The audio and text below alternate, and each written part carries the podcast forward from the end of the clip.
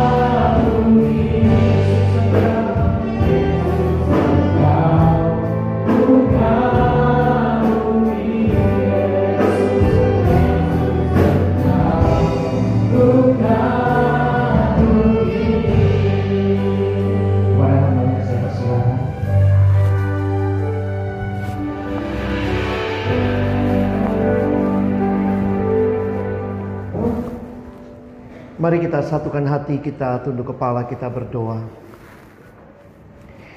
Bapa di dalam surga pemilik hidup kami, kami datang dalam ucapan syukur di hari kebangkitan yang Engkau boleh berikan kepada kami. Kami pun boleh menikmati ibadah bersama-sama di tempat ini. Tuhan kami telah memuji-muji namamu kami telah menaikkan doa kami kepadamu dan tiba waktunya untuk kami membuka firman-Mu. Kami mohon ya Tuhan, ketika kami membuka firman-Mu, bukalah juga hati kami. Jadikanlah hati kami seperti tanah yang baik, supaya ketika benih firman Tuhan ditaburkan, itu boleh sungguh-sungguh berakar, bertumbuh, dan juga berbuah nyata di dalam kehidupan kami. Berkati baik hambamu yang menyampaikan dan setiap kami yang mendengarkan. Tuhan tolonglah kami semua. Agar kami bukan hanya menjadi pendengar-pendengar firman yang setia. Tapi mampukan kami dengan kuasa dari rohmu yang kudus. Kami dimampukan menjadi pelaku-pelaku firmanmu. Di dalam kehidupan kami. Bersabdalah ya Tuhan. Kami umatmu sedia mendengarnya. Di dalam satu nama yang kudus nama yang berkuasa, nama Tuhan kami Yesus Kristus. Kami menyerahkan pemberitaan firman Amin. Shalom. Selamat Paskah. Kita nampaknya kurang biasa ngomong selamat Paskah ya. Kalau Natal tuh agak beda saudara. Mungkin sensasinya karena pas di akhir tahun kita kalau nggak ketemu pas Januari awal ketemu orang masih selamat Natal. Nggak ketemu minggu kedua makan masih ada yang Natalan juga begitu ya. Kayaknya orang ngomong selamat Paskah pas cuma hari Paskahnya toh. Ya harusnya kita membiasakan juga ya. Selamat Paskah. Ayo bilang dulu sama kiri kanannya. Selamat Paskah ya. Ini satu hari yang sangat berbeda di pagi saya katakan bahwa semua agama pendirinya punya hari kelahiran, punya hari kematian, tapi hanya Kristus yang punya hari kebangkitan. Karena itu Paskah menjadi sentral di dalam iman percaya kita. Nah malam hari ini sama-sama kita akan melihat bagaimana kebangkitan diresponi Ketika Kristus bangkit, apa yang menjadi fokus yang dia mau saudara dan saya juga boleh alami. Mari sama-sama kita membuka di dalam Matius pasal yang ke-28. Mari saudara lihat sebentar Matius pasal yang ke-28. Kita akan membaca ayat 16 sampai dengan ayat 20. Kita lihat ayat-ayat yang sudah sangat sering kita baca ini, kita renungkan. Sekali lagi kita mohon Tuhan menolong kita memahaminya. Mari kita membaca pergantian Matius 28 ayat 16 akan dimulai oleh yang pria Lalu nanti ayat 17 oleh yang wanita kita bergantian sampai ayat 20 ya. Jadi pria baca lebih dulu karena kami dicipta lebih dulu gitu ya apa saudara nanti kebagian dosa wanita duluan. Baik, mari kita membaca mulai yang pria setelah saya baca judulnya. Perintah untuk memberitakan Injil. Dan kesebelas murid itu berangkat ke Galilea, ke bukit yang telah ditunjukkan Yesus kepada mereka.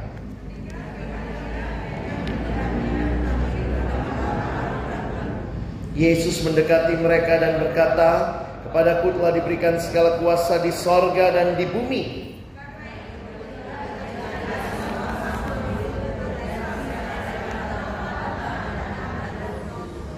Dan ajarlah mereka melakukan segala sesuatu yang telah kuperintahkan kepadamu. Dan ketahuilah aku menyertai kamu senantiasa sampai kepada akhir zaman. Saudara yang dikasihi Tuhan, pesan-pesan terakhir itu biasanya jadi hal yang penting di dalam kehidupan. Ada satu teman tadi mengucapkan selamat Paskah dan ayahnya baru meninggal beberapa hari yang lalu. Dikuburkan hari Selasa yang lalu, hari Rabu maksud saya. Lalu kemudian dia bilang, "Iya, pesan papanya yang terakhir, papanya bilang begini sana sama mamanya. Pokoknya pastikan kita ini karena papanya berobat tidak ada utang. Dan tadi anaknya bilang, "Puji Tuhan," dia panggil saya, "Bang, puji Tuhan, Bang, semua beres, tidak ada utang pengobatan, tidak ada utang penguburan." Kenapa? Karena pesan terakhir itu dianggap begitu penting, ya. Saudara ada yang bikin joke katanya ini ada pesan terakhir ada seorang kakek mau meninggal, dia kumpulkan semua anaknya, semua cucu-cucunya di sisi ranjang mereka kumpul semua lalu kakek ini kasih satu pesan. Kakek ini bilang, "Cu, nah ingat ya, apa itu kek? Kakek mau kasih pesan terakhir apa itu kek? Jagalah, jagalah apa kek? Jagalah apa kek? Jagalah kebersihan." Lalu kakeknya meninggal. Ditunggu-tunggu apa pesannya? Eh kebersihan saudara. Eh nggak lama neneknya juga nyusul menjelang meninggal semua kumpul cucu-cucu anak-anak kumpul semua menantu kumpul. Nenek kemudian kasih pesan. Ini pesan terakhir nenek apa itu nek Masalah tanah. Hah, tanah? Tanah yang mana, Nek? Tanah yang di belakang rumah kita. Kenapa, Nek? Pokoknya tanah yang di belakang rumah kita. Kenapa, Nek? Jangan dijual. Kenapa, Nek? Pokoknya jangan dijual. Kenapa, Nek? Itu bukan milik kita. Lalu dia meninggal. Unik ya, pesan terakhir begitu penting. Pesan terakhir dari orang yang mau mati kita pegang, kita ingat. Tetapi hari ini kita mendengar pesan bukan pesan terakhir, tapi yang bagi saya sebenarnya jauh lebih penting ya memang ini pesan terakhir Yesus ya Matius 28 habis itu pindah Markus. Tapi ini pesan dari Yesus yang bangkit. Ini beda. Matius 28 ayat yang pertama Yesus bangkit dia bukan Yesus yang mati, yang tinggal di dalam kubur. Waktu dia mau mati, dia kasih pesan terakhir. Tidak. Alkitab mencatat Yesus memberikan pesan. Ini kelihatannya memang yang terakhir dalam Injil Matius. Perintah yang penting. Tapi dari Yesus yang bangkit. Beda. Luar biasa. Kalau yang mati saja kita dengar baik-baik. Apalagi ini. Dari Yesus yang bangkit dan menang. Karena itu seorang bernama John Haggai dia selalu pakai ayat ini dengan kutipan kalimat demikian. Your last command is our first priority. Perintah terakhirmu adalah prioritas utama dan pertama kami. Dan saya pikir gereja harusnya menghayati hal yang sama. This is the last command. Perintah terakhir. Tetapi biarlah jadi prioritas utama kita. Kenapa? Karena ini perintah dari Yesus yang bangkit. Saudara lihat sedikit konteksnya, saya tidak akan mendalami satu persatu, saya ingin lebih banyak share bagaimana kita bisa menghidupi pesan ini. Saudara lihat ayat 16, dan ke-11 murid itu berangkat ke Galilea, ke bukit yang telah ditunjukkan Yesus kepada mereka. Saudara kalau perhatikan konteksnya, kenapa mereka ke Galilea? Karena Yesus suruh ke sana. Coba lihat pasal 28 sebelumnya, lihat di dalam ayat yang ketujuh. Dan segera pergi, segeralah pergi dan katakanlah kepada murid-muridnya bahwa ia telah bangkit dari antara orang mati, ia mendahului kamu ke Galilea. Dan dikatakan di sana kamu akan melihat dia sesungguhnya aku telah mengatakannya kepadamu. Ini kalimat dari malaikat itu kepada perempuan-perempuan yang menyaksikan atau berjumpa dengan malaikat itu di kubur yang kosong itu. Saudara unik ya. Perjalanan ke Galilea lumayan juga itu. Tapi di tempat mereka dipanggil pertama kali dari tempat itu juga Tuhan mengutus mereka. Mereka menuju ke Galilea, ke bukit yang telah ditunjukkan Yesus kepada mereka dan perhatikan 17. Ketika melihat dia mereka menyembahnya tetapi beberapa orang ragu-ragu. Tentu tidak mudah bagi mereka untuk melihat dan menghayati fakta Yesus bangkit. Karena itu beberapa orang masih ragu di sini. Tapi perhatikan ayat 18. Yesus mendekati mereka dan berkata, "Kepadaku telah diberikan segala kuasa di sorga dan di bumi." Saudara saya mau fokus untuk mengajak kita melihat kuasa di sorga dan di bumi Seringkali kalau baca Matius 28 langsung ke bawahnya. Pergilah jadikanlah semua bangsa muridku. Tapi saudara lihat dulu. Apa yang menjadi hal yang luar biasa melalui kebangkitan Kristus. Dia bangkit, dia menang, kuasa diberikan. Dialami. Dan inilah otoritas yang luar biasa. Saudara di dalam bahasa aslinya. Ini dipakai kata otoritas. Segala authority bahasa Indonesia menerjemahkannya kuasa. Sebenarnya dari bahasa Inggris kita dapat dua kata ya. Ada kata power itu terjemahannya juga kuasa. Ada kata authority. Harusnya bisa diterjemahkan otoritas, tapi juga di sini diterjemahkan kuasa. Jadi apa bedanya? Apa samanya? Bagi saya yang menarik begini ya. Di dalam Otoritas ada power. Di dalam power belum tentu ada otoritas. Ini gimana membedakannya? Contohnya begini. Kalau lihat lampu lalu lintas nyala merah, kita otomatis ngapain? Kalau lagi berkendara, berhenti. Itu otoritas atau power? Lampu itu otoritas. Kan tidak ada polisi yang nahan begitu saudara ya. Ada polisi tahan semua begitu. Itu pakai power tuh. Yang ada adalah begitu lampu nyala. Wow. Kita langsung berhenti begitu merah. Begitu hijau, nah itu otoritas. Di dalam otoritas ada power. Di dalam power belum tentu ada otoritas.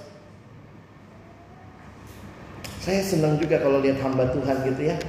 Hamba Tuhan itu tangannya itu otoritas, ya. Dia begini kita berdiri. Gila tuh berapa ribu kilo nih. Ya, set deh gitu ya. Dia begini kita jatuh ya, kita duduk semua gitu ya. Ini ini otoritas nih. Nggak ada kan musuhnya yang duduk lo, duduk lo, duduk lo. Enggak ya. Maksa duduk itu pakai power. Ini otoritas. Set berdiri. Set duduk ya. Ini kalau contohnya bandel set set set set set, set, set, gitu ya. Nah, Kata yang dipakai segala otoritas. Kristus yang bangkit, Kristus yang menang itu mengatakan segala otoritas di bumi dan di sorga. Ini menandakan bahwa dialah Allah yang menang. Dia memiliki otoritas atas segalanya. Karena itu kalau kita doa Bapa kami juga begitu ya. Datanglah kerajaanmu di bumi seperti di surga. Di surga dia sudah raja saudara ya. Di bumi kita merajakan dia. Sehingga penting sekali kita mengerti. Apa yang menjadi hal penting. Kenapa dengan otoritas itu yang Yesus miliki. Apa yang dia mau kita lakukan. Itu jadi penting. Kalau Bapak Ibu punya otoritas, mau ngapain? Kalau punya kuasa, mau dipakai buat apa? Orang kalau punya uang langsung bisa terpikir, mau pakai ini, pakai ini, pakai itu. Tuhan tidak menitipkan uang, Tuhan tidak menitipkan hal-hal yang sifatnya materi, tetapi sebelum dia kembali ke surga, dia mengatakan segala kuasa di sorga dan di bumi telah diberikan kepadaku. Karena itu perhatikan ayat 19. Kata ini karena itu. Ini kalau konteks bacaan ada kata karena itu karena yang mana? Karena bagian yang se sebelumnya. Karena segala kuasa di sorga dan di bumi, segala otoritas itu telah dimiliki oleh Yesus. Yesus yang memiliki otoritas ini mengutus murid-muridnya. Karena itu pergilah, jadikanlah semua bangsa muridku. Dan baptislah mereka dalam nama Bapa, Anak dan Roh Kudus. Dan ketahuilah, aku menyertai kamu senantiasa sampai kepada akhir zaman. Mungkin kalau sampai sini saudara jadi bingung. Loh, habis ngomong begini Yesusnya naik ke surga. Apa bukti penyertaannya sampai kepada akhir zaman? Dia mengirimkan rohnya yang kudus. Yang menyertai orang percaya selama-lamanya. Dan roh yang kudus itu adalah roh yang terus menerus mengingatkan kita. Kepada apa yang menjadi tugas yang Tuhan mau kita lakukan. Coba saudara lihat sebentar. Injil Yohanes pasal 15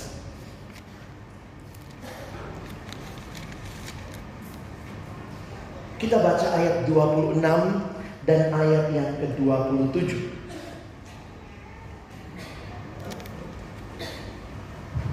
Injil Yohanes pasal 26 eh, pasal 15 ayat 26 27. Mari baca dua ayat ini bersama-sama. Satu dua ayat. Jikalau penghibur yang akan kuutus dari Bapa datang, yaitu roh kebenaran yang keluar dari Bapa, ia akan bersaksi tentang aku. Tetapi kamu juga harus bersaksi karena kamu dari semula bersama-sama dengan aku. Roh Kudus adalah roh yang bersaksi.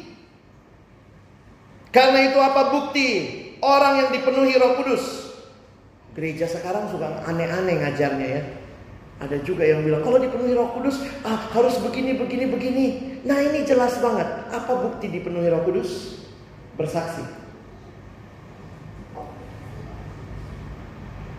Apakah sungguh benar ketika kita berkata saya dipenuhi Roh Kudus yang dijanjikan itu, maka kita punya semangat untuk melayani, semangat untuk bersaksi.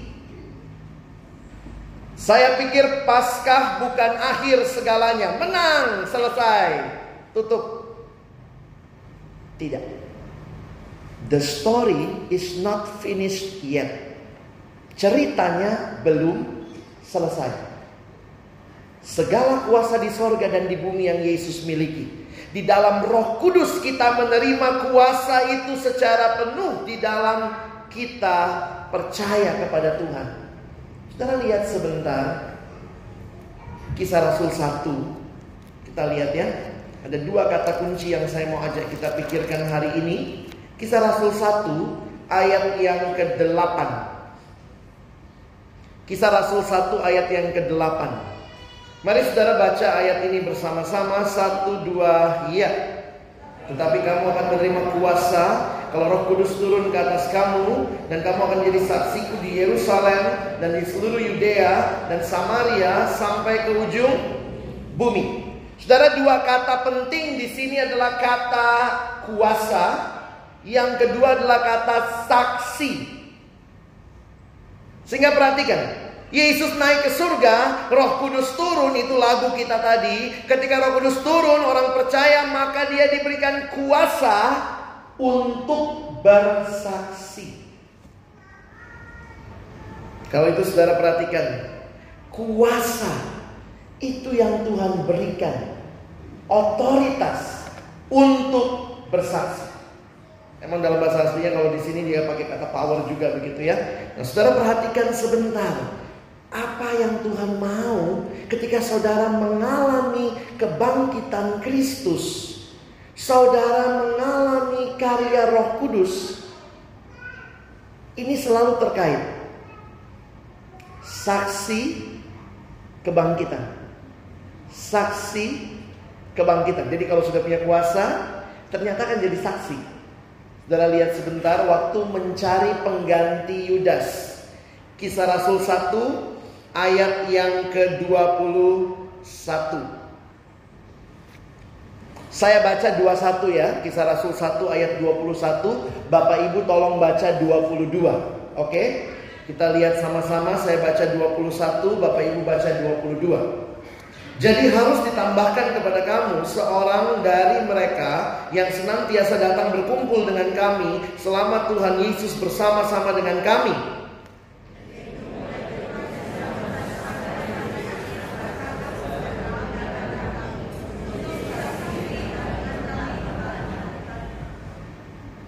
Saksi apa? Kebang kita.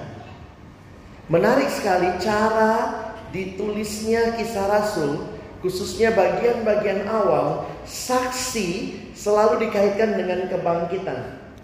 Perhatikan pasal 2 ayatnya yang ke-32.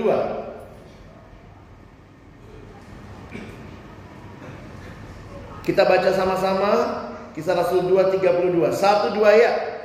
Yesus inilah yang dibangkitkan Allah dan tentang hal itu kami semua adalah saksi. Setelah lihat lagi pasal yang ketiga, ayat yang ke-15. Satu dua ya. Demikianlah ia pemimpin kepada hidup telah kamu bunuh Tetapi Allah telah membangkitkan dia dari antara orang mati Dan tentang hal itu kami adalah saksi Mau diterusin Bapak Ibu cari sendiri gitu ya Sampai pasal 5 tuh masih ada begitu Kuasa yang diberikan melalui kehadiran Roh Kudus adalah kuasa yang diberikan supaya saudara dan saya bersaksi tentang kebangkitan Kristus. Kalau nanti pelajari tulisan Paulus ada lagi yang menarik. Efesus pasal yang pertama dia mengatakan begini. Kira-kira kalau saya jelaskan secara sederhana begini Bapak Ibu ya. Di perjanjian lama kuasa Allah dibuktikan dengan Allah mencipta dari tidak ada jadi ada. Jadi kuasa Allah itu ditentukan ketika dicipta sesuatu dari tidak ada jadi ada. Langsung orang bilang, "Wow, Allah berkuasa." Tetapi di dalam perjanjian baru, kuasa Allah dinyatakan, dibuktikan dengan membangkitkan Yesus dari antara orang mati. Kuasa yang membangkitkan Yesus dari antara orang mati, kata Rasul Paulus dalam Efesus 1 ayat 18, 19, 20, dia mengatakan kuasa itu ada dalam dirimu. Wow. Bapak Ibu, kita yang sudah terima Yesus, kita yang sudah mengalami karya Roh Kudus dalam hidup kita, roh yang sama, Roh Kudus yang membangkitkan Yesus itu ada dalam diri kita. Kita sadari nggak kekuatannya? Kita sadari nggak power itu? Itu ada sama dengan yang membangkitkan Yesus dari antara orang mati. Satu waktu ada cerita begini saudara, ada seorang kolektor lukisan terkenal. Nah kolektor ini senang kumpulkan lukisan dari berbagai tempat di dunia.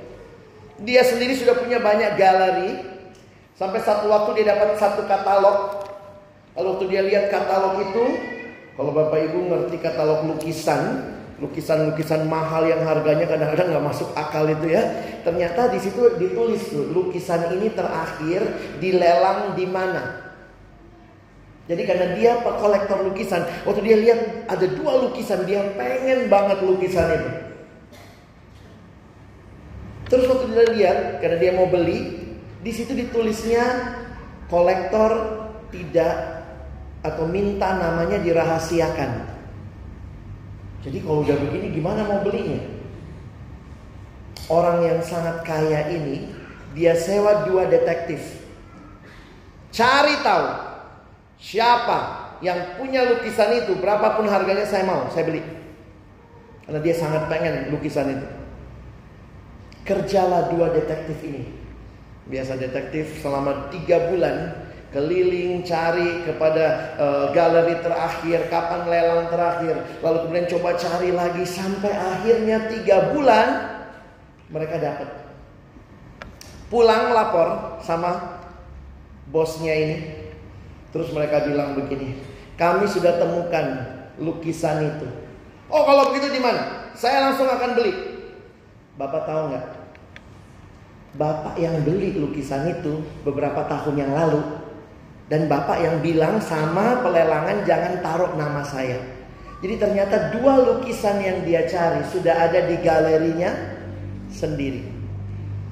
Ini yang banyak juga jadi kenyataan yang menyedihkan dari orang percaya.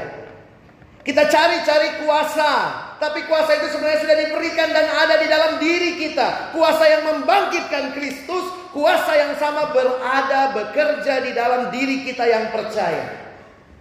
Saudara bisa menang lawan dosa? Bisa. Karena kuasa itu ada. Saudara bisa menang di dalam hidup sehari-hari karena Allah memberikan kita rohnya yang kudus. Yang empower us. Kalau roh itu ada, dia akan menolong kita menjadi saksi kebangkitan Kristus. Tidak ada dari kita yang hadir 2000 tahun lalu waktu Yesus bangkit ya. Nggak ada kan yang bikin foto selfie sama Yesus di kubur ya. Kok bisa kita dibilang saksi? Itu hanya karena roh kudus yang kekal, pribadi Allah yang kekal, membawa kita bersatu dengan pengalaman kematian dan kebangkitan Kristus. Tapi bukan hanya fakta sejarah, dia membawa kita mengerti bahwa kuasa yang sama ada dan membangkitkan Kristus itu ada pada kita. Saudara, waktu saya mengerti hal ini, beberapa tahun yang lalu saya pas lagi membahas uh, Efesus ini, saya jadi sadar begitu ya. Berarti saya bisa dong menang atas dosa. Bisa. Kenapa? Bukan dengan kekuatan saya, dengan kekuatan saya saya nggak bisa. Tapi kalau saya melekat terus kepada Tuhan, itulah kekuatan saya. Saudara, mari kita hadapi hidup ini dengan terus dekat dan melekat kepada Tuhan karena itu sumber kekuatan kita. Ada cerita satu pendeta, dia ke mana-mana bawa alat peraga, saudara. Alat peraganya apa? Alat peraganya tusuk gigi. Jadi satu waktu ada satu anak pemuda remaja datang gitu ya. Pak Pendeta, saya baru pulang retret kemarin saya semangat banget buat Tuhan, tapi kenapa saya gagal lagi? Saya jatuh lagi dalam dosa yang lama. Pak Pendeta tolong saya, apa yang harus saya lakukan? Biasa kalau pulang retret semangat saudara ya. Tapi berapa lama tuh semangatnya? Lalu kemudian Pak Pendeta seperti biasa keluarkan tusuk gigi. Pak Pendeta bilang, kau lihat tusuk gigi ini? Iya Pak Pendeta kata anak pemuda itu. Ini kau. Oh iya Pak Pendeta. Terus pendetanya patahin. Cepat. Aduh Pak. Itu saya tadi. Ah, Pak. Terus pendetanya memang bawa banyak tusuk gigi kali ya. Dia keluarin lagi satu. Dia keluarin satu lagi tusuk gigi dan dia punya alat peraga lain. Dia bawa paku. Dia ambil paku. Dia bilang tusuk gigi ini kamu ya. Sekarang paku ini Kristus. Dia bawa tusuk gigi sama paku disatuin. Terus dia kasih coba patahin. Ketika menyatu tusuk gigi sama paku dipatahin juga susah saudara. Tangannya yang patah. Lalu dia mengatakan, dengan kekuatanmu sendiri engkau nggak mampu. Tapi waktu kau menyerahkan dirimu dipimpin oleh Tuhan, terus melekat kepada Tuhan, itu kekuatanmu menang di dalam hidup melawan dosa. Saudara kadang-kadang kita ini sombongnya. Andalkan diri sendiri, merasa cukup bisa, cukup mampu, cukup kuat. Kiranya kita diingatkan terus Kuasa itu menolong kita menang dalam hidup melawan dosa. Tapi yang kedua, dan ini fokus kita malam ini. Kuasa itu menolong kita di dalam bersaksi. Kuasa yang luar biasa itu. Karena itu banyak penafsir Alkitab bilang kalau perhatikan kisah Rasul, begitu Roh Kudus turun mulai kisah Rasul 2, wah Injil tersebar. Sampai ada yang bertanya, ini sebenarnya kisah Rasul ini kisahnya para Rasul atau kisahnya Roh Kudus? Karena Rasulnya ganti ya. Sampai pasal 9, 10 masih Petrus, nanti ke atas, nanti masuk ke Paulus. Tapi kemudian yang tetap Bapak Ibu bisa perhatikan sepanjang kisah Rasul, yaitu Roh Kudus turun dan Roh Kudus menolong jemaat bersaksi. Kalau betul kita mengalami Paskah, kalau betul Roh Kudus yang membangkitkan Kristus ada dalam diri kita, maka Dia tidak hanya mengubah hidup kita, Dia menolong kita bersaksi.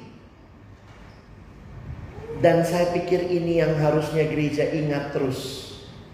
Makanya Yesus bilang, segala kuasa di sorga dan di bumi diberikan kepadaku, karena itu pergi. Jadikan semua bangsa muridku. Bersaksi. Saudara yang dikasihi Tuhan, kadang-kadang kita sebagai gereja lupa bahwa kehadiran kita di dalam dunia ini adalah juga untuk membawa orang-orang datang kepada Tuhan. Bagaimana dengan keluarga-keluarga kita? Adakah sanak saudara kita yang belum percaya? Kiranya kehadiran kita yang mengalami pasca menjadi kehadiran yang menjangkau mereka. Memang salah satu yang paling sulit kita layani adalah keluarga kita ya. Dia udah tahu saya busuk-busuknya kita ya. Ah ngomong Yesus Yesus nyapu aja nggak pernah di rumah. Sehingga memang di sinilah kita harus ingat baik secara verbal kita bersaksi dengan perkataan kita, tapi juga tunjukkan lewat hidup yang berubah. Saya pikir yang namanya hidup yang berubah, ada kalimat dalam bahasa Inggris bilang begini, your action speaks louder than your words. Tingkah laku saudara adalah khotbah yang jauh lebih keras, lebih lantang daripada sekedar kata kata-kata. Jadi memang akhirnya saya lihat gitu ya. Pengalaman saya di keluarga. Saya lahir di keluarga Kristen Bapak Ibu. Tapi bukan Kristen yang sungguh-sungguh. Jadi ya Kristen aja. Kristen KTP tanpa pertobatan. Kristen tanpa perubahan.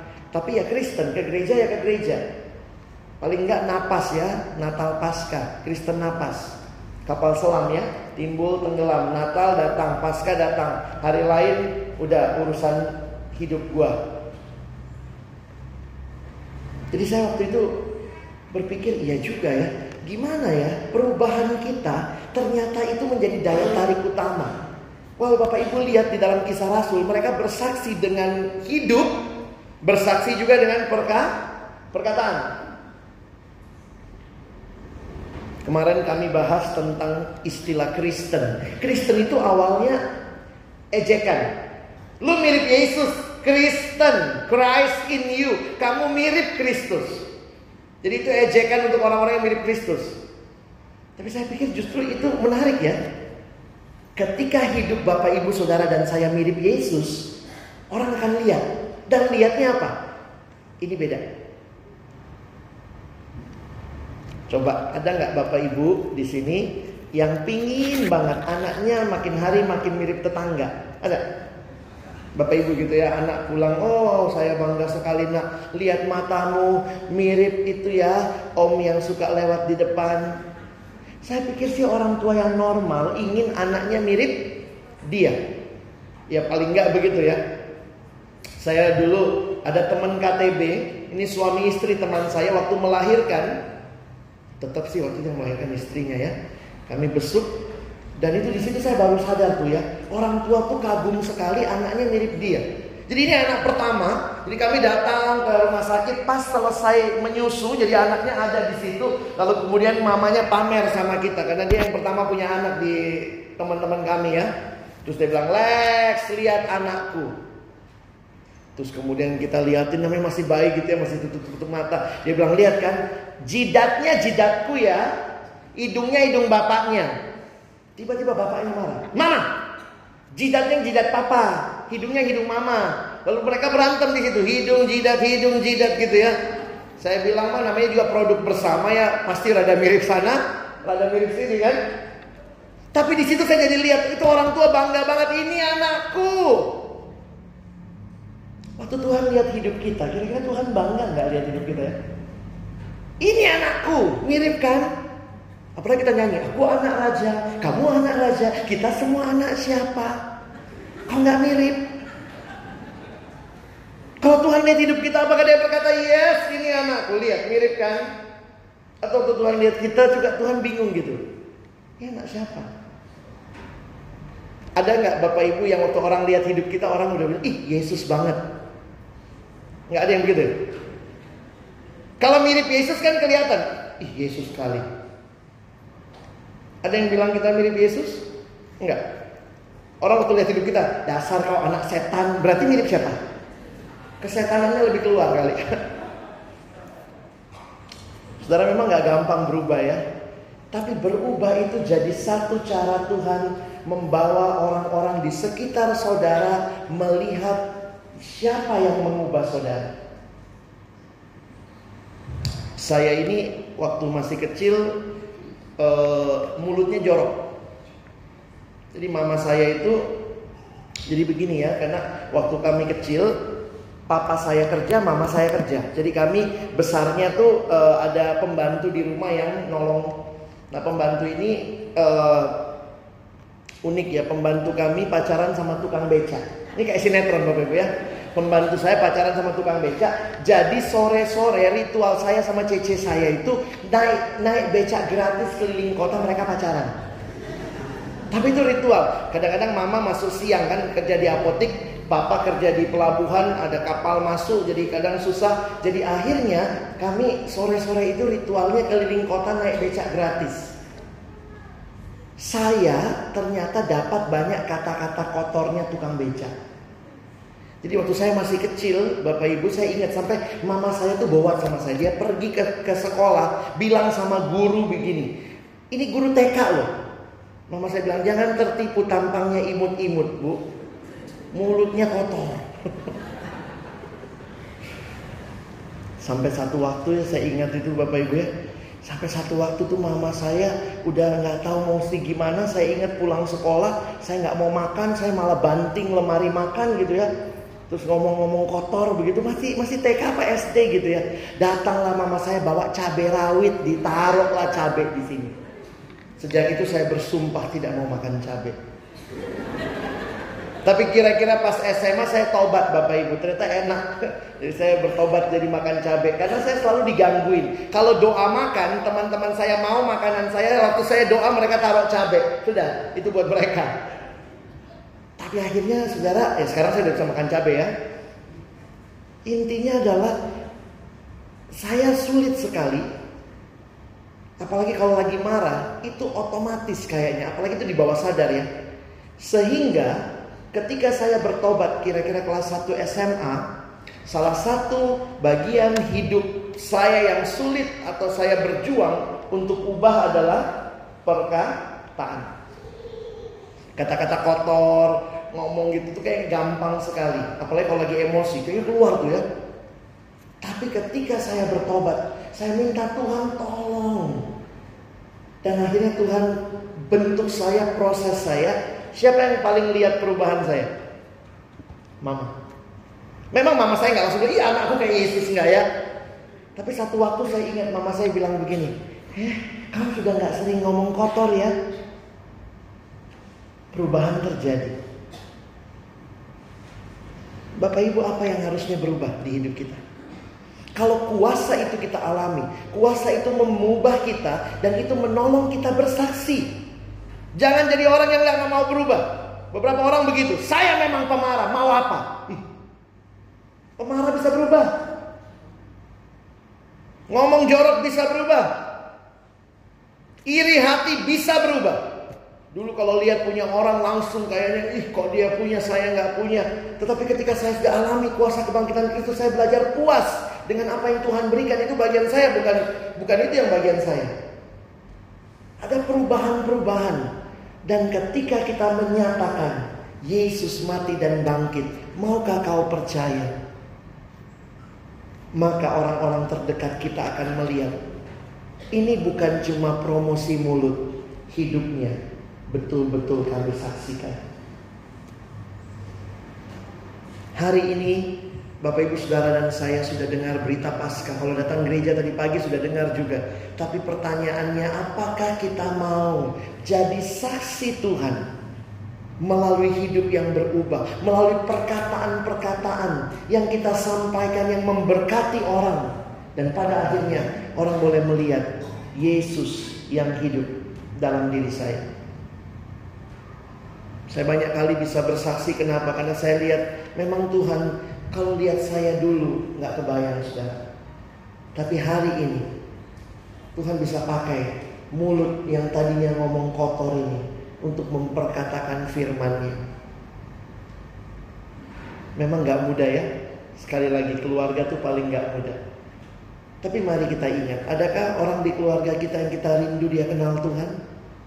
Bapak Ibu bawa dalam doa sebutkan namanya, rindukan dia mengalami perubahan dan biarlah Tuhan pakai kita. Kita doakan juga mungkin kita sulit bersaksi tapi Tuhan juga bisa pakai orang lain. Saya pikir gereja harus jadi gereja yang bersaksi. Semua dalam hidup yang berubah menjadi orang-orang yang menjangkau dunia. Saya tutup dengan satu cerita yang saya dengar tentang seorang yang mencoba melukiskan penginjilan. Ada seorang pelukis dipesan oleh seorang hamba Tuhan. Dia bilang, "Tolong lukiskan buat saya penginjilan." Kemudian pelukis itu mulai mengambil kanvas dan dia mulai membayangkan dan setelah itu dia mulai membuat gambar. Saudara tahu gambarnya itu seperti apa? Dia menggambarkan ada sebuah laut yang bergelora. Di tengah malam ada awan yang pekat begitu kelam. Dan di gelora itu di sebuah di tengah laut yang banyak karang. Jadi ada banyak karang-karang begitu saudara. Lalu dia menggambarkan. Dia menggambarkan ada halilintar. Dia menggambarkan awan yang pekat. Dia menggambarkan laut yang bergelora. Dan terlihatlah ada satu kapal yang hancur. Satu kapal yang sudah hancur terhantam ombak dan karang-karang yang tajam. Di situ dia menggambarkan kengerian banyak anak buah kapal yang sudah ada di dalam laut memegang memegang serpihan-serpihan kapal. Ada juga yang sedang menggapai-gapai dan sedang menuju tenggelam. Dia menggambarkan begitu kelamnya hidup manusia dalam dosa. Satu-satunya pengharapan dalam gambar itu. Dia menggambar di latar depan ada sebuah karang yang tinggi menjulang dari dalam laut. Di karang itulah ada seorang dari orang yang ada di kapal itu, dia yang selamat, dia sedang memeluk karang itu. Kuat-kuat batu karang itu. Inilah gambaran di tengah-tengah kengerian masih ada pengharapan. Dan orang itu memeluk karang itu dengan kuat dengan kedua tangannya. Setelah selesai, dia lihat lukisannya. Tambah dia pandang dia tidak puas. Ini bukan penginjilan. Belum menggambarkan penginjilan. Akhirnya pelukis ini mengambil kanvas yang baru. Dan dia mulai menggambar lagi. Uniknya dia menggambar hal yang sama. Persis. Dia mulai gambar laut yang bergelora. Dia menggambar petir, dia menggambar awan-awan yang pekat, dia menggambar perahu yang hancur, dia menggambar orang-orang yang jatuh atau tenggelam ke dalam air, dia menggambar ada orang-orang yang berpegang kepada serpihan-serpihan dari kapal yang hancur. Dan tetap di bagian depan dia juga gambar pengharapan dalam batu karang yang menyembul dari dalam laut. Dan di batu karang itu juga ada seorang yang sedang memeluk batu karang itu. Bedanya di mana? Kali ini bedanya ternyata orang itu sedang memeluk batu karang itu dengan satu tangan. Sementara tangan yang satunya sedang menggapai seorang temannya yang hampir tenggelam. Dia sedang mengulurkan dan temannya memegang tangannya. Ketika dia melihat gambar itu. Ini penginjilan. Ini disebut, saya belum pernah lihat gambarnya, pengen banget lihat gambarnya. Judulnya Painting the Meaning of Evangelism. Sebelum ada tangan yang terulur, sebenarnya belum ada penginjilan. Kita masih menikmati oh Tuhan Yesus dulu di gereja, aku dan dia, dia dan aku. Tapi ingat, kuasa kebangkitan yang saudara dan saya alami. Kuasa yang membawa kita bersaksi. Ulurkan tangan bagi orang-orang di sekitar kita. Mereka yang belum dengar kabar sukacita itu. Mereka yang kita rindukan mereka tidak binasa dalam dosa. Dan melalui perkataan kita. Melalui hidup kita. Tuhan bawa mereka. Maukah Bapak Ibu? Menjadi saksi Tuhan yang bangkit. Dari mana? Dari hidup kita. Dari perkataan kita. Dari seluruh keberadaan kita supaya banyak orang di sekitar kita datang kepada Dia. Amin. Mari tunduk kepala. Sama-sama saya beri waktu sebelum kita berdoa. Kalau ada keluarga kita, orang-orang yang dekat dengan kita, orang-orang yang mungkin sahabat-sahabat kita, di dalam bisnis, di dalam hidup, di dalam pergaulan, pertanyaannya, Apakah kita rindu mereka juga kenal Tuhan? Mari sebut nama mereka. Minta Tuhan, pakailah hidupku Tuhan. Jadi saksi kebangkitan bagi orang-orang di sekitar. Mari ambil waktu tenang ini untuk berdoa agar Tuhan menolong kita terus hidup jadi saksi kebangkitannya.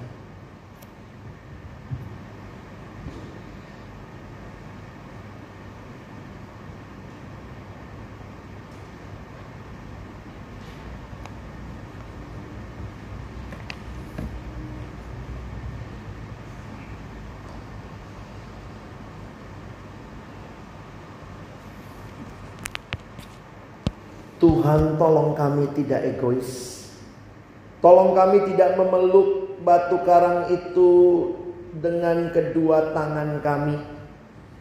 Tapi kami yang sudah menikmati keselamatan, tolong kami mengulurkan tangan, membawa orang-orang yang belum kenal Engkau datang dan hidup di dalam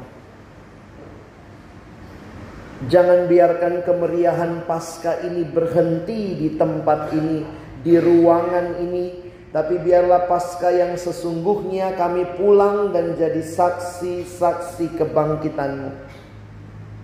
Supaya melalui hidup kami ada orang-orang yang boleh datang dan mengenal Tuhan. Tuhan tolonglah kami.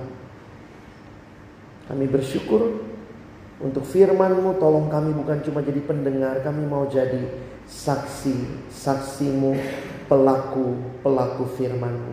Dalam nama Yesus kami berdoa. Amin.